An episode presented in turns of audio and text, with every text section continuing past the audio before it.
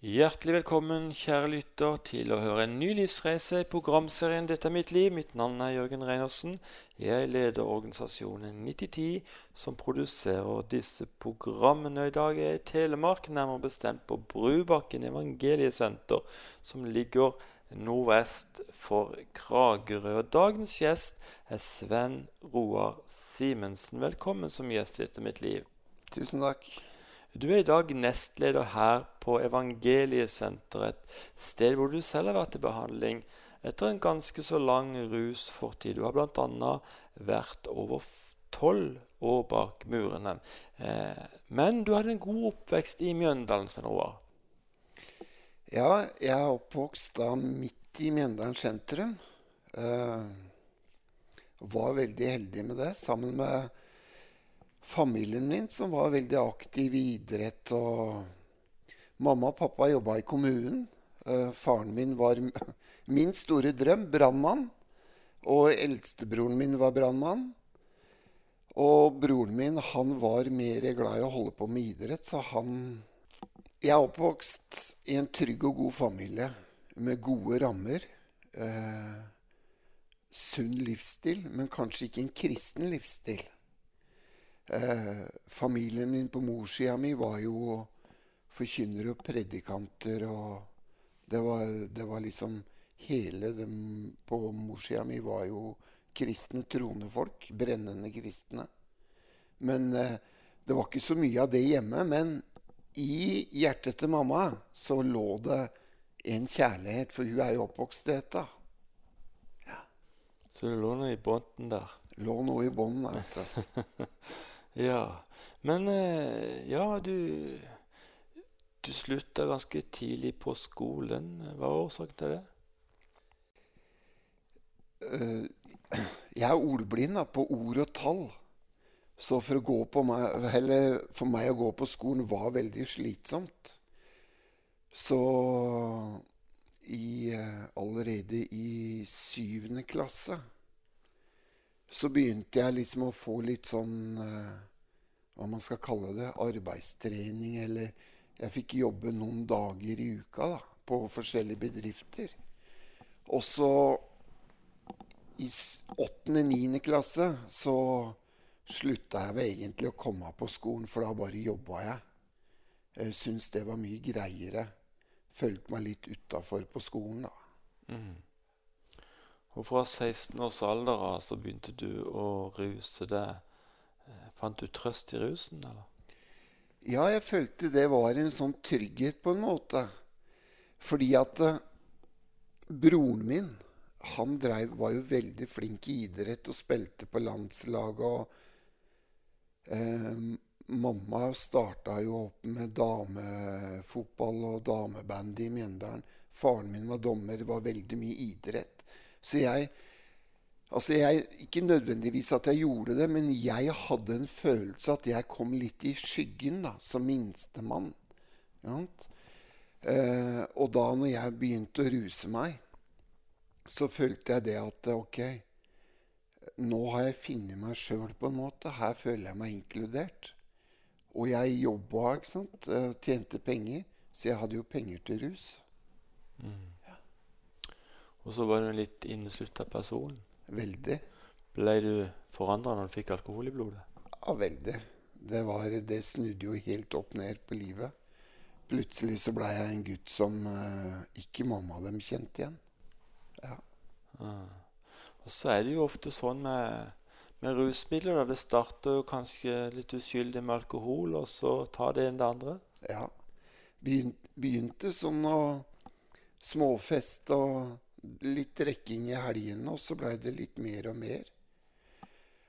Og Mjøndalen er jo delt opp sånn at uh, det var jo liksom to miljøer i Mjøndalen.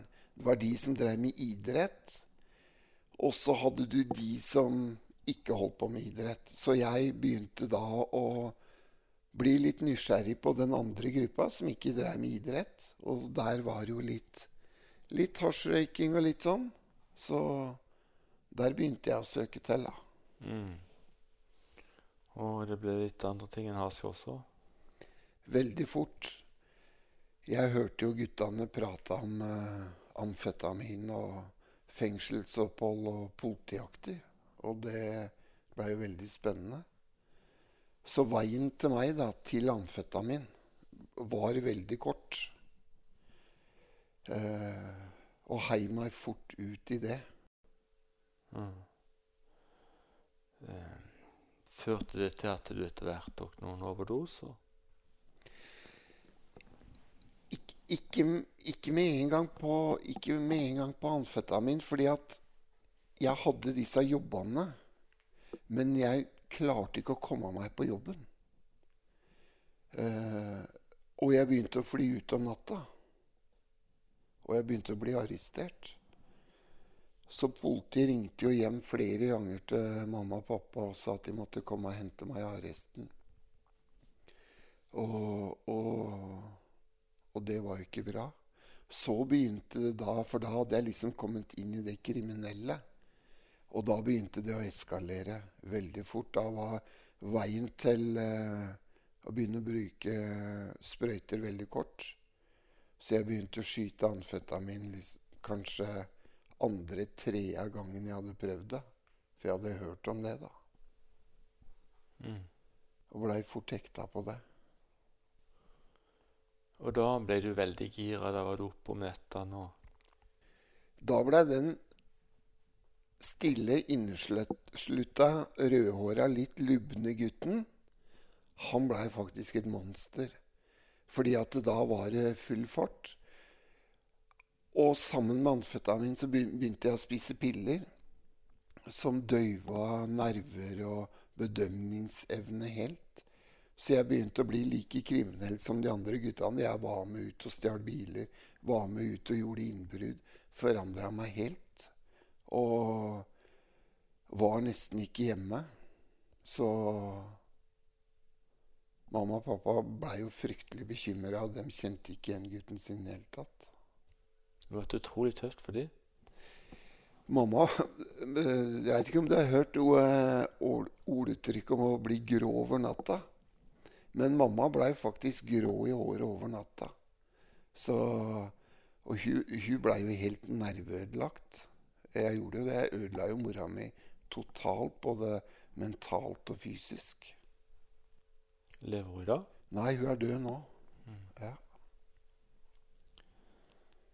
Det er jo ille å høre at rusen har fått sånne følger. Men, men, men, nå sitter du her og smiler til meg og er rolig. og Det er fantastisk, det som har skjedd. Det skal vi komme tilbake til etter hvert. Men eh, dette med altså å komme i et eh, fengsel bak lås og slå, ikke kunne komme ut av den døra, hvordan var den følelsen?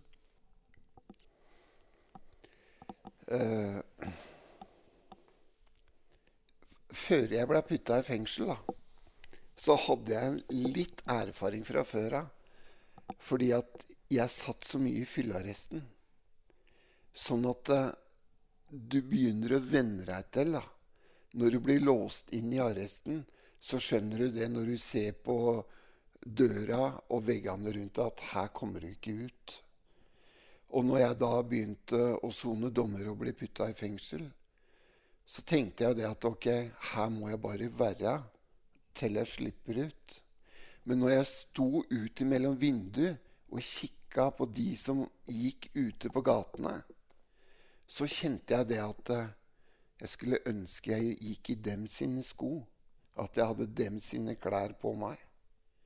Og, og det er jo klart, det å sitte inne på ei celle 23 timer, det er stusslig, det å se på TV og få middagen servert. Eh, inn på cella, og så får du høre liksom to ganger om dagen. Skal du lufte? Eller vil du ha fellesskap? Det var liksom det Det er jo stusslig, det, og det gjør noe med deg. Klart det. Så du måtte du sitte på cella 23 timer i døgnet, og så hadde du én time hvor du kunne være sammen med andre? Ja. Vi satt uh, Jeg satt jo de første Kanskje de første fem-seks åra som jeg satt, da, altså av forskjellige dommer, så satt jeg i et lite fengsel i Kongsberg, noe som heter Kongsberg hjelpefengsel. Eh, hvor det var plass til 16 innsatte, og der satt du 23 timer på cella. Da var det lufting én time om dagen. Og så var det fellesskap tre dager i uka. Ellers så satt du resten på cella. Hva gjorde det med, med sinnet ditt? Altså, det er utrolig hva Det er utrolig hva man kan klare å omstille seg til, da. Men du veit, når du har vært veldig stille, lite pratsom og inneslutta, og du sitter mye aleine, så blir du jo stille òg. Men samtidig så tror jeg det at eh, pga. familien til mamma da, og dem sine bønner, så har jeg alltid vært opptatt av de åndelige ting. Sånn at når jeg nå i dag snur meg og ser tilbake, så kan jeg jo si det at jeg på en måte har opplevd faktisk midt i den elendigheten inne på cellene å ha Gud som en trygghet. For jeg hadde alltid en trygghet inne på cella, en fred i meg. Og det tror jeg kan ha vært av de som da har vært med og bedt for meg og sånt. Men helt klart, man kjenner jo på følelser av, av fortvilelse, av savn, av ønsker. Ønsker om et helt annet liv og en bedre fremtid. Og jeg hadde alltid det for håp at når jeg slipper ut, ja, da skal Sunn Roar ta seg sammen. Da er det slutt på tullet. Det blei jo ikke sånn, da. Nei. For det er veldig fort å havne tilbake i samme miljø. Veldig fort. Mm. For du har kanskje ikke noe annet å gå til når du kommer ut igjen? Nei, jeg hadde ikke det. Eh, jeg hadde liksom Jeg hadde familien min. Og det eneste jeg hadde, var det at jeg hadde evnen at jeg var flink til å arbeide. Og mamma og pappa prøvde da å ordne meg jobb i kommunen. De prøvde å ordne meg forskjellige jobber, men ingenting fungerte. Mm. Og det gjorde selvfølgelig noe med selvfølelsen. Følte du det som et håpløst tilfelle? Jeg gjorde det. Og øh, jeg gjorde det. Og mamma og pappa var jo veldig sentrale mennesker eh, hjemme i Mjøndalen. Og jeg husker mange ganger når jeg gikk da oppover eh, gata i Mjøndalen, Arbeidergata, så følte jeg det når jeg gikk forbi mennesker som, man, som kjente mamma og pappa. og så hvordan de så på meg. Der, er, der, går sønnen til Roar og May-Britt. Se åssen han har blitt nå. Og da føler du deg håpløs. Og du føler at hele livet ditt er håpløst. Og du klarer ikke noen ting. Du får ikke fulgt opp noen ting. Alt er bare kaos. Det er helt vilt. Man har ikke kontroll på noe. Man er som en isseporbit som flyter ute på havet. At han bare drives overalt. Eh, rett og slett Du var en narkoman, og, og det gikk bare nedover. Eh, etter hvert gikk du også på heroin. Eh, hvorfor er det slik, tror du, at man, man starter med, med, med, med, mer uskyldige ting, og så blir det sterkere og sterkere stoffer etter hvert? Kanskje fordi at man får Når man begynner å rote inn i rusmiljøet, så begynner man liksom i det første leddet, da begynner man å røyke hasj og litt piller og litt amfetamin, så kommer man Så holder man på med det en stund. Og så tror man at dette er greia for meg. Men uansett hva man bruker av rus, så har, man alt, får man alltid en trang til noe annet. Noe for å dempe nervene av å gå på amfetamin. Noe for å dempe nervene eh, av hasj. Og så kom man liksom inn i den innerste kjernen i rusmiljøet, da, hvor de aller tyngste stoffene er. Som er veldig fort gjort å gjøre. Mm. Hva vil du si til de som kanskje ikke har fullført den veien? da? Eh, hvordan skal de stoppe opp? Tenke seg om? Beste, beste måten å kanskje stoppe opp, er også prøve å lytte til andre som har eh, holdt på med rus før.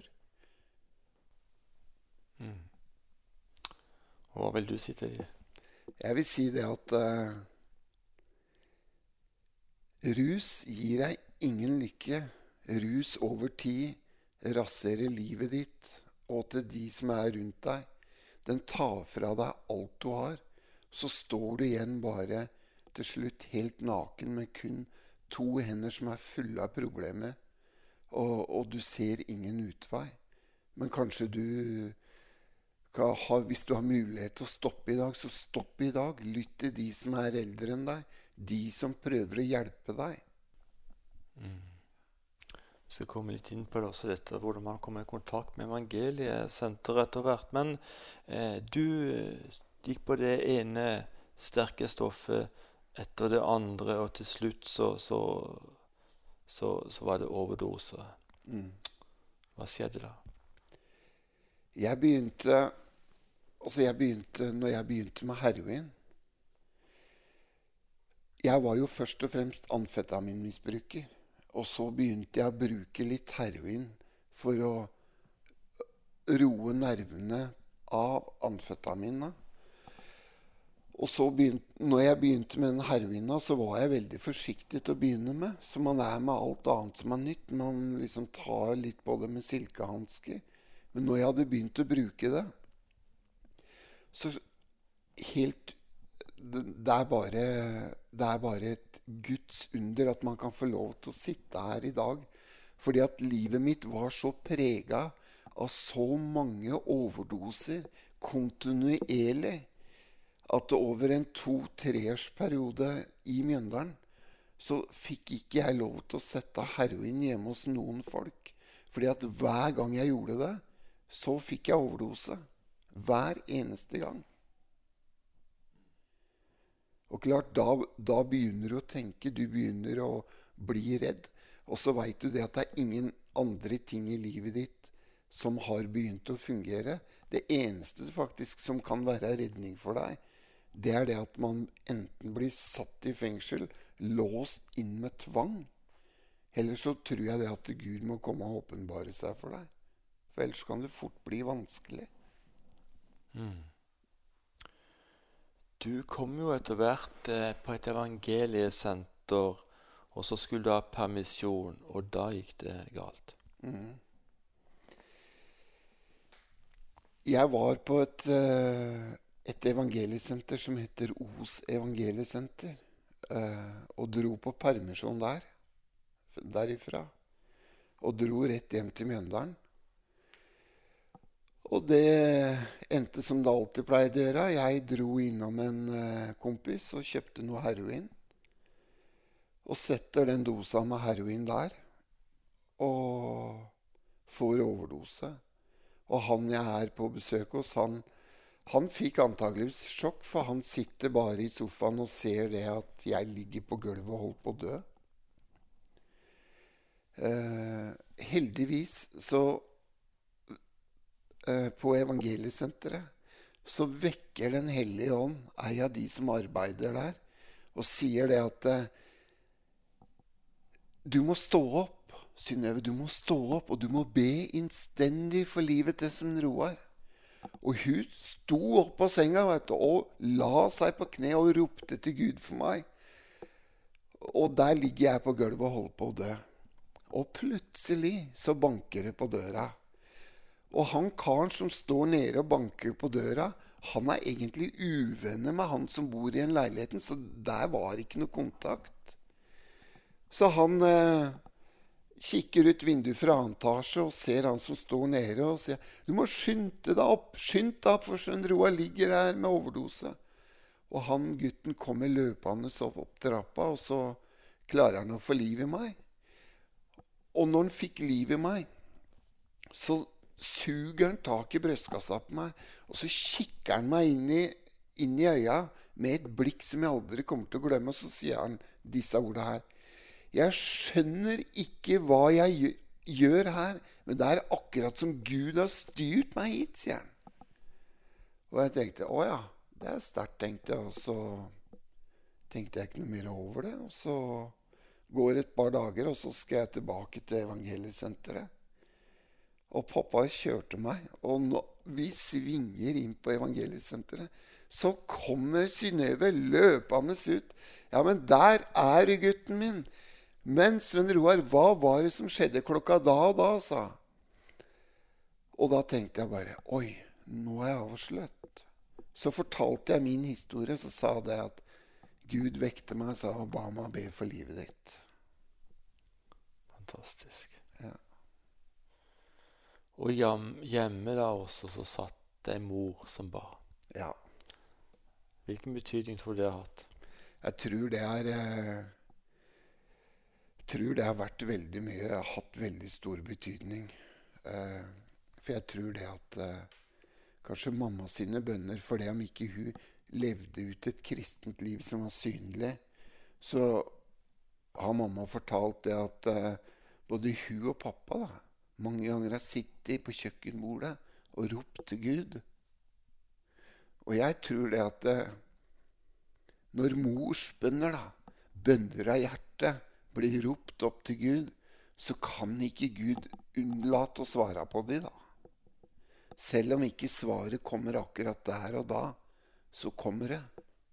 For bønnesvaret er på vei. vet du. Engler kommer med bud. Hva tenkte du om sjøl om Gud i denne perioden? Når jeg var inne på evangeliesenteret. Ja. Altså, jeg hadde jo, fikk jo ei veldig brennende sterk tru, og det skjedde mye med meg på kort tid. Eh, sterke opplevelser, med Gud, men jeg fikk ikke til å bygge den karakteren til å bære gudslivet. Sånn at eh, det falt veldig gjennom, da. Sant? Og det falt så mye gjennom at, eh, at jeg datt jo helt For en lang periode datt jeg jo helt ut av alt som hadde med Gud å gjøre.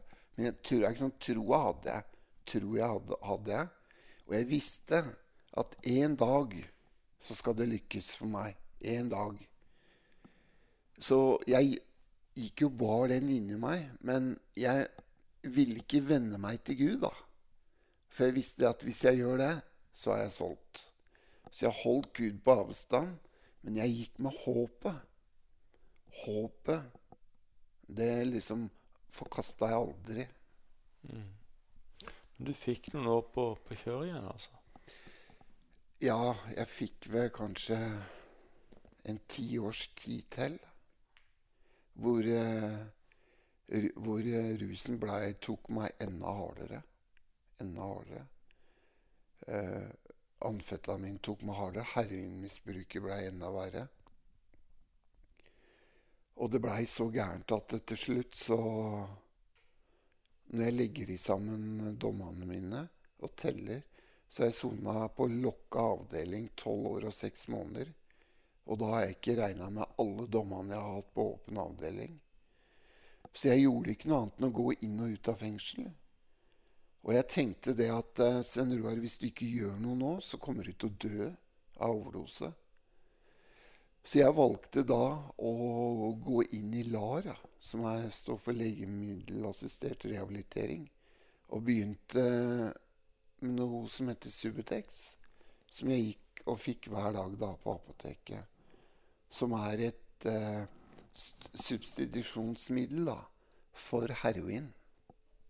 Ja, og trodde at det skulle bli bra. Men det blei jo ikke bra, det heller. Altså, jeg kutta, jeg kutta ut heroina. Men jeg begynte jo å bruke mer amfetamin og røyke mer hasj. Eh, jeg slutta jeg slutta med å være aktiv kriminell og stjele, men jeg var jo kriminell på en annen måte, for jeg begynte å selge stoff og sånne ting, da. Mm. Sånn gikk det med følelsene dine på disse stoffene? På Subutex så, så blir du jo totalt flat. Du får jo ikke noe, har jo ikke noe følelser i det hele tatt. Blir jo helt flat, som vi kaller dem. Likegyldig til alle ting. Er ikke så nøye med å gå i dusjen. Dusjen er ikke så nøye med å stelle seg. Det er ikke så nøye om å bytte T-skjorte, selv om den har vært brukt i ei uke, liksom. Alt blir helt flatt. Sven Roar, vi må snakke litt om en god venn av deg som heter Kjetil Sterje Mørk. Du må fortelle. Kjetil er jo min barndomskamerat. Vi vokste jo opp bare et steinkast fra hverandre og hang sammen hele tida. Og, og vi har vært sammen på kjøret i mange år og vært veldig gærne sammen. Plutselig en dag så forsvinner Kjetil fra miljøet og blir helt borte. Så han eh, dro inn på Evangeliesenteret og begynte å jobbe der. Og er jo nå leder på Østerbo Evangeliesenteret. Og han begynte å be for meg. Eh, og begynte å be veldig. Og, og tok kontakt med meg i fengsla og ja, prøvde å følge meg litt opp. Så opplevde jeg det når han begynte å be for meg. Så da blei det hardt å være rusmisbruker ute på kjøret. Fordi jeg kjente Guds nærvær kom. Jeg kjente Gud kom og kalte og dro på meg. vet du. Og jeg sta, vet du. Nei, deg skal jeg ikke ha noe med å gjøre, sa jeg til Herren. Og mange episoder vet, du, hvor Gud virkelig kom. Nei, dette går ikke. Så begynte Kjetil å ringe til meg, og jeg bodde i en sånt toetasjes eh, hus. Hvor døra mi kanskje var 15 cm tjukk. Sånn kjempetjukk, gammelt tredør. Så når du banka på døra her, så hørte du ikke det oppe i annen etasje. Men hver gang Kjetil var innom meg for å besøke meg, så var jeg enten på vei ut av huset eller på vei inn. Og det er jo ikke noe tilfeldighet, for det var ikke bare én gang. Det var mange ganger. Og så en dag så eh, spør han meg De skulle ha en møtekampanje i Hokksund. Så lurte han på om, han, om jeg ville være med opp dit han er lur òg, vet du. Så sa jeg det at ja, det kan jeg bli med. Og da skjønte jeg det, da, for da hadde jeg opplevd Guds kall så sterkt over lang tid. Og da, uten å sukke til Gud engang, så kjente jeg at ok, Sven Roar, dette er din besøkelsestid. Nå må jeg ta imot den. Kjenne min besøkelsestid. Så jeg blei med på et møte. Og det hadde tatt fyr i handa mi du, over fingra, så jeg har svær bandasje. du, og Møkkete og fæl. Det veide 70 kilo. Eh, så ikke ut, og jeg lukta vondt. Og Kjetil er liksom Ja, ja, det spiller ingen rolle. Ta meg med inn på møtet. Og kommer inn der og bare kjenner den gudsatmosfæren, det nærværet som var der. Og da bestemte jeg meg for at eh, ok, nå er det nok. Nå er det på tide å ta et valg og gjøre noe med livet ditt, som en Roar. Så da bestemte jeg meg for å dra inn på evangeliesenteret. Var det her på Brubakken, eller? Da dro jeg inn på Brubakken. I eh, 2017 så dro jeg inn på Brubakken som beboer. Eh, det var helt det var veldig fint å komme hit, men jeg var helt katastrofe. For en av guttene som tok meg imot, sa til meg i etterkant at Sundrud, jeg kunne like gjerne hilst på en eh, løktestolpe, for dere var like tynne og like døde begge to. Så da kom jeg hit på Brubakken som beboer. Og var her inne til nedtrapping av Subutexen. Og gjorde nedtrappinga mi her på tre-fire måneder. For Gud hadde lagt noe i hjertet. vet du. Så jeg ville egentlig bare få lov til å komme, bli kvitt Subutexen, bli kvitt problemet mitt. Og dra på Østerbo og få lov til å stå på plattforma sammen med guttene og være med å synge og spille. Det var det jeg hadde lyst til. Mm. Hvordan opplevde du abstinensene når du skulle ha Subutex? Jeg hadde ei litt sånn tøff nedtrapping. Så jeg må si det at akkurat der lurer jeg på hvor, hvor Gud var hen. For da, da, var han ikke mye kamerat. Men altså, jeg takla det, og jeg sto i det. Jeg som alltid har vært en taper, alltid gitt opp.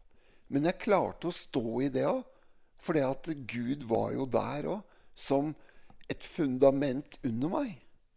Så jeg klarte jo å komme meg gjennom det òg.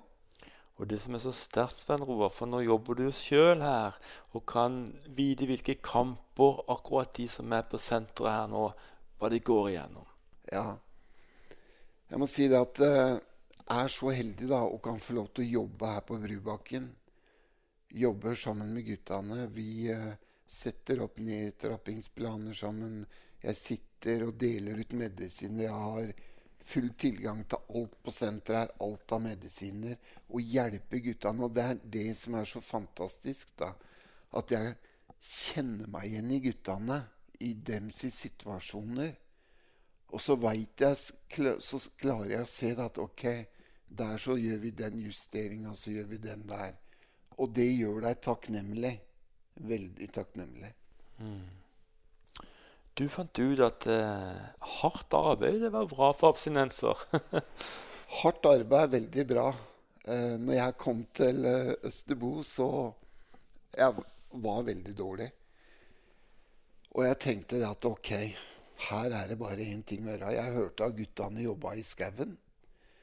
Så jeg blei med guttene i skauen og jobba. Der bar jeg tømmerstokkene på skuldra, svære stokker, for å bli sliten og få elendigheta ut av kroppen. Og det tok bare tre dager, så sov jeg som et barn om natta. Så det er fantastisk. Og så eh, havna du etter hvert på plattformer sånn som du ønska. Du er ja. musiker. Ja, jeg gjorde det. Eh, fordi at jeg har jo hatt eh, Jeg har faktisk hatt et forkynnerkall i meg fra jeg var liten gutt. Men fra jeg var liten, så skjønte jeg det ikke. Jeg sa bare det at når jeg blir en kristen, skal jeg bli prest. Eh, og så etter hvert, da når jeg fikk lov til å komme opp på Østerbo og begynne å vokse inn i oppgaver, så eh, Så jeg begynte å vitne, og jeg begynte, det må jeg ta med. For jeg begynte å reie Ole Petter Olsen. Han så meg i Evangeliesenteret. Og jeg kunne liksom tre akkorder på bassen. Eh, men han tok meg med, vet du. 'Kom igjen, her skal du være med meg og spille.' Og, og begynte å få lov til å reise sammen med han. Og det, og det også få stå der, i den åndsatmosfæren og salvelsen og det Guds nærværet, tror jeg gjorde noe med livet mitt som gjorde at jeg fikk lov til å få en karakter, bygge karakter. Begynte å bli sterk i Gud.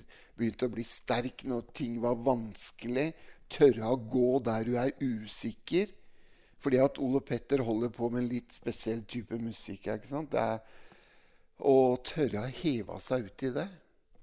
Og, eh, og det som er så fantastisk, er det at eh, måten han har vært med og elska meg fram i Herren på Kom igjen, så du her. Ta et vitnesbyrd. Fortell om livet ditt. Heia på meg. Oppmuntra meg. Pusha på meg. Og så i dag så får jeg lov til å reise som er jeg en av forkynnerne i Evangeliesenteret. Er eh, eh fastbassist i Evangeliesenteret. Reiser med Ole Petter overalt i hele Norges land. Eh, spiller og preker og, og vi holder på, og det er utrolig bra. Det var verdt å gå igjennom den kampen med abstinenser, skjønner du. Ja, det var verdt alt. det var verdt alt. Så det er utrolig eh, fint. Og det valget som jeg tok den gangen, som jeg dro på Brubakken, det tror jeg har vært det beste valget jeg har tatt noen gang i livet mitt. Å kunne dra inn hit. Vi nærmer oss dessverre slutten av dette programmet. Har du lyst til å komme med en hilsen fra Bibelen? Du er predikant. Ja, et vers som jeg er veldig glad i, som står i profeten eh, Jeremia 29,11, eh, så står det For jeg vet hvilken tanker jeg tenker om dere, sier Herren, og det er fredstanker og ikke tanker til ulykke. Og da syns jeg det er så fantastisk at Gud veit. Han veit hvilken tanker han har for oss mennesker. Fordi at Bibelen sier det at for hvem kjenner vel hjertet? For svikefullt kan det være. Men når han kjenner tankene, og han veit hvilken fred han har for oss, så går det fra seier til seier. vet du. Og da er det trygt. Og så står det at for som himmelen er høyere enn jorden, slik er mine veier og tanker høyere enn deres tanker. Og det kan jeg bare se på mitt liv. Jeg hadde et ønske om å få lov til å stå på plattforma. I dag har jeg et hundre ganger rikelig, rikere liv. Fordi at Jesus veit hvilke tanker han har for oss. Mm. Vil du også bare be en bønn for de som lytter på programmet? Ja, det skal vi gjøre. Jesus, Herre, vi takker deg, Jesus, for de som er uh, lytta til, Herre. Jesus, uh, du ser kanskje mange, tenke, mange trenger nye tanker, Herre. Fredstanker, Herre. Kanskje det er noen der ute som, som holder på med rus, Jesus. Takk, Herre, at du, Jesus, du kan få lov til å komme inn og bli en fred, Herre, og en inspirasjon for mennesker, Herre. Takk, Jesus, at du, Herre, du tar hånd om alle, du elsker alle, fordi at du har en høyere plan for mennesket, Herre. Vi priser deg, Jesus, fordi at du er en hjelp funnet i nød, Herre, overmåte stor Jesus. Takk skal du ha, Herre. Amen. Amen. Om noen av lytterne enten selv ønsker å komme inn på evangeliesenteret, eller om det er noen pårørende som ønsker informasjon, hvordan skal de gå fram? Da kan de ringe til Brubakken evangeliesenter. Ellers kan de ringe til eh, inntakssenteret i Porsgrunn. Så kan de, får få de den veiledninga de, de trenger der, og får en god samtale. Mm. Eh, jeg tenker litt på eh, disse pårørende som eh, ja, som uforskyldt holdt på å si sitter der hjemme mens folk er ute og ruser. Så har du noe til dem? Ja, jeg har lyst til å si det at uh, så lenge det er liv i mennesket, så er det alltid et håp. Og enhver problemfylt situasjon er aldri så problemfylt at det ikke finnes muligheter til at ting kan gå bra. Men at man kan være Det er ikke bestandig det er ikke bestandig alle de velformulerte og flotte orda som er bra, men bare noen ganger være et medmenneske. Liksom bare akseptere mennesket med kjærlighet og omsorg. Så kan det mange ganger være en hjelp til at mennesker kan snu. Og, og, og, jeg har lyst til å si det veldig kort. Jeg hadde en telefonsamtale fra noen foreldre her som var veldig oppgitt. Og de visste ikke hva de kunne gjøre. Og, og de, når de hadde ringt hit, altså etter en god samtale, så kunne få lov til å hjelpe dem. Liksom, hos Evangeliesenteret så finnes det muligheter og hjelp. Ta telefonen, ring til oss, prat med oss. For vi er her for å hjelpe. Og dere vet hva det handler om. Ja. ja. Sven Roar Simensen, hjertelig takk skal du ha for å takke ja til være gjest i Dette med et liv. Takk for din åpenhet, at du har delt så mye godt, og mange har sikkert kjent seg igjen. Så kjære lytter, søk hjelp hvis du trenger det. Må Gud, Gud rikelig velsigne deg, Sven Roar, og din familie. Du har fått deg kone, og må Gud bare legge alt til rette for deg i tida fremover. Kjære lytter, du har i dag fått høre en virkelig gripende historie. Men kanskje du sitter der og tenker det nytter ikke for meg.